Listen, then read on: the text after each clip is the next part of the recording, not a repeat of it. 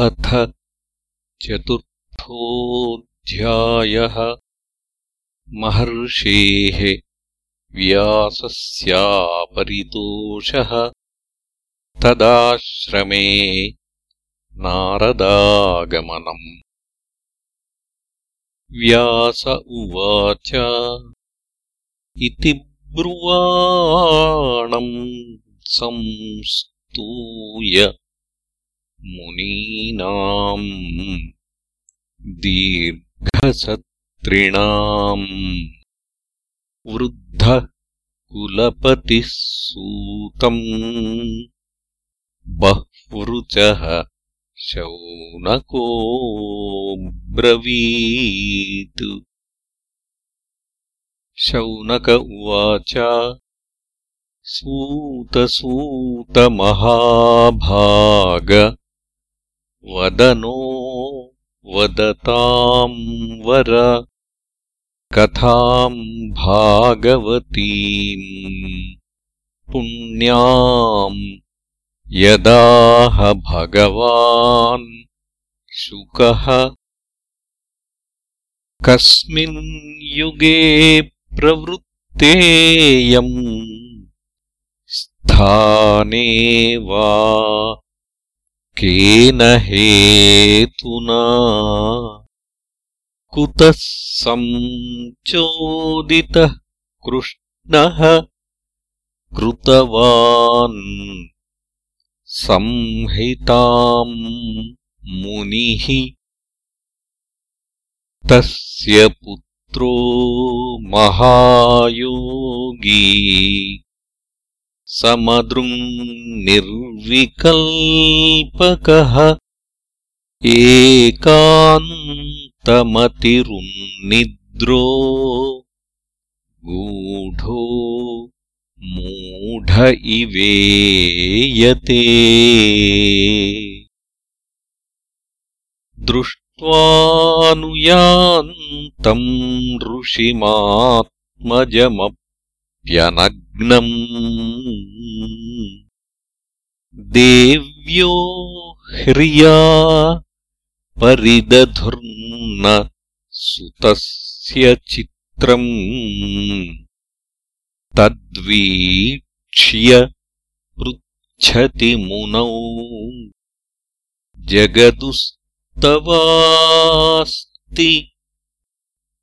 स्त्रीपुंभिदा न तु सुतस्य विविक्तदृष्टेः।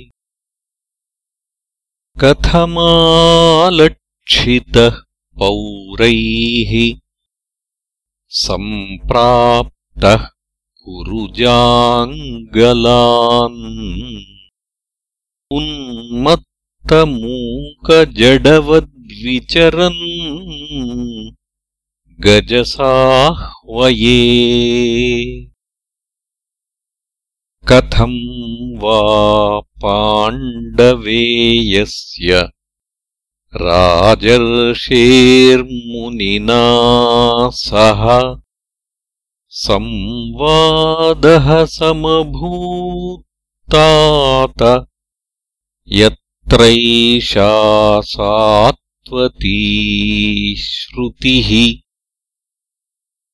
स गोदोहनमात्रम् हि गृहेषु गृहमेधिनाम्। अवेक्षते महाभागः तीर्थीकुर्वंस्तदाश्रमम्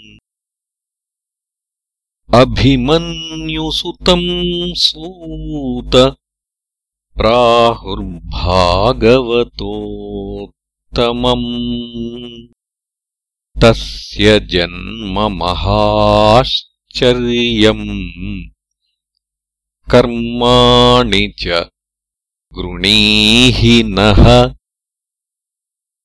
स सम्राट् कस्य वा हेतोः पाण्डूनाम्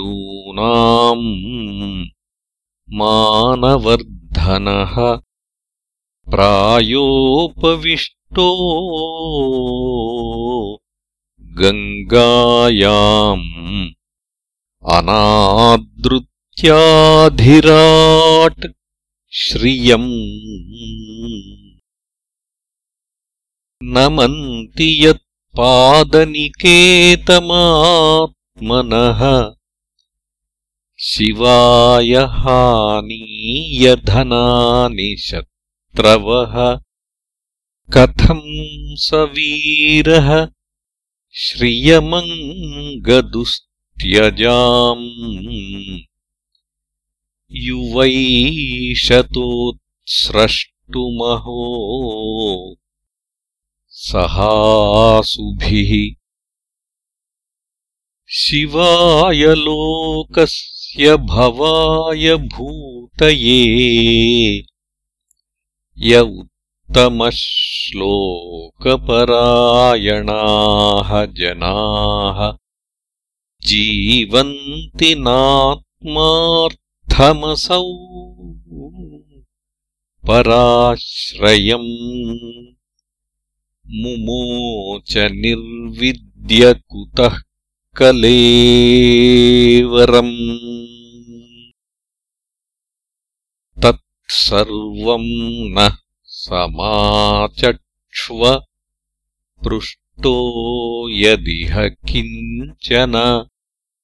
मन्ये त्वाम् विषये वाचाम्। स्नातमन्यत्र छान्दसात्।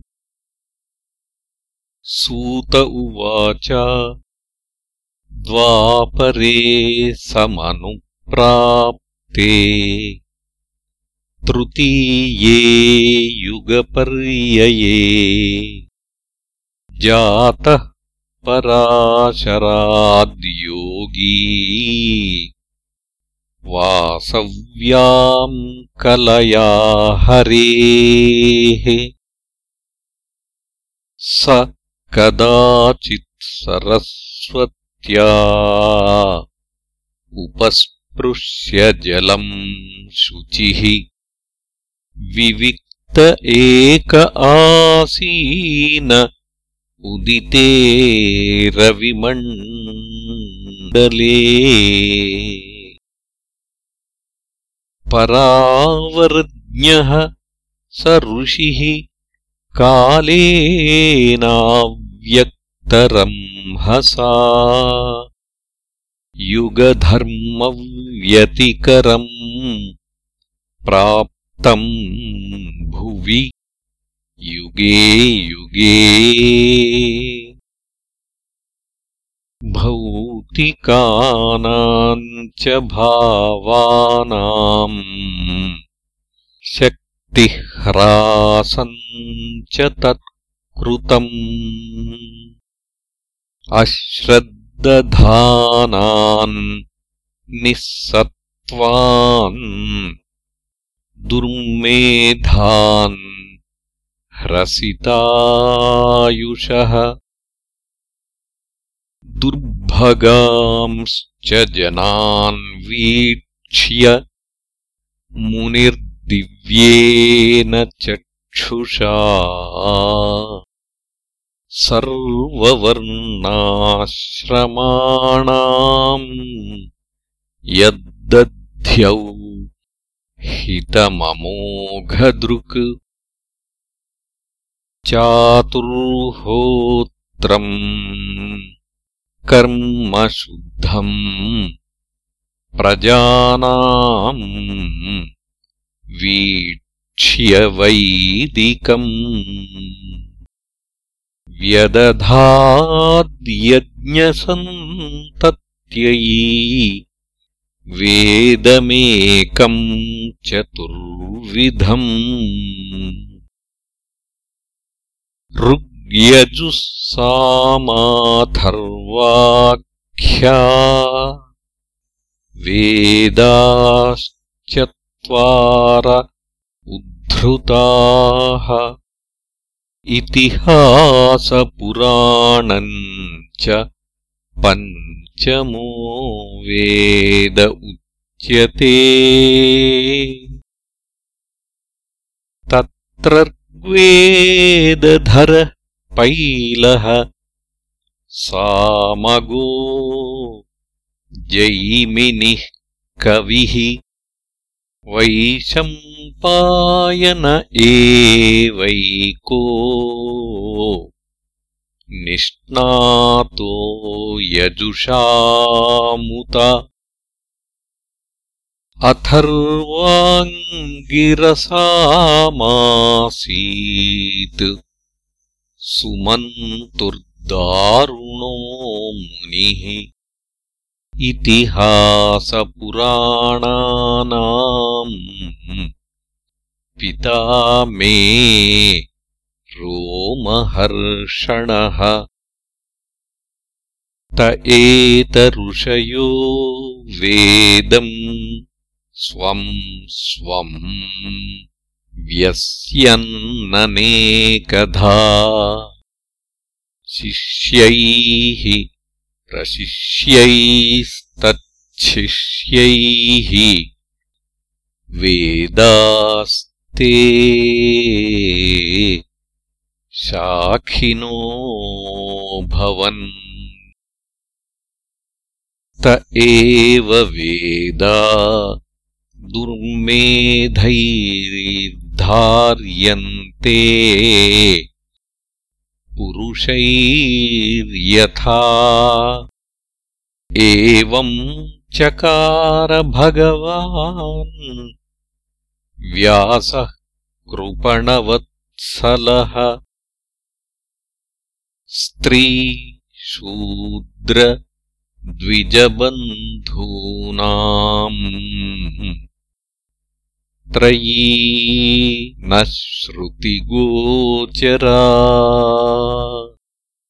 कर्म श्रेयसि मूढानाम्। श्रेय एवम् भवेदिह। इति भारतमाख्यानम्। कृपया मुनिना कृतम् एवम् प्रवृत्तस्य सदा भूतानाम् श्रेयसि द्विजाः। सर्वात्मकेनापि यदा नातुष्यद्धृदयम् ततः नातिप्रसीदद्धृदयः सरस्वत्यास्तटे शुचौ वितर्कयन् विविक्तस्थ इदम् प्रोवाच धर्मवित्। धृतव्रतेन हि मया छन्दांसि गुरवोऽग्नयः मानिता निर्व्यलीकेन गृहीतम् चानुशासनम्। भारतव्यपदेशेन ह्याम्नायार्थश्च दर्शितः। दृश्यते यत्र धर्मादि स्त्रीशूद्रादिभिरप्युत तथापि बत मे दैह्यो ह्यात्मा चैवात्मना विभुः। असम्पन्न इवा भाति ब्रह्मवर्चस्य सत्तमः किम् वा भागवता धर्मा? न प्रायेण निरूपिताः। प्रियाः परमहंसानाम्। त एव ह्यच्युतप्रियाः। तस्यैवम् खिलमात्मानम् मन्यमानस्य खिद्यतः कृष्णस्य नारदोऽभ्यागादाश्रमम् प्रागुदाहृतम्। तमभिज्ञाय सहसा प्रत्युत्थायागतम् मुनिः पूजयामास विधिवन्नारदम् सुरपूजितम्। इति श्रीमद्भागवते महापुराणे पारमहंस्याम् संहितायाम् प्रथमस्कन्धे चतुर्थोऽध्यायः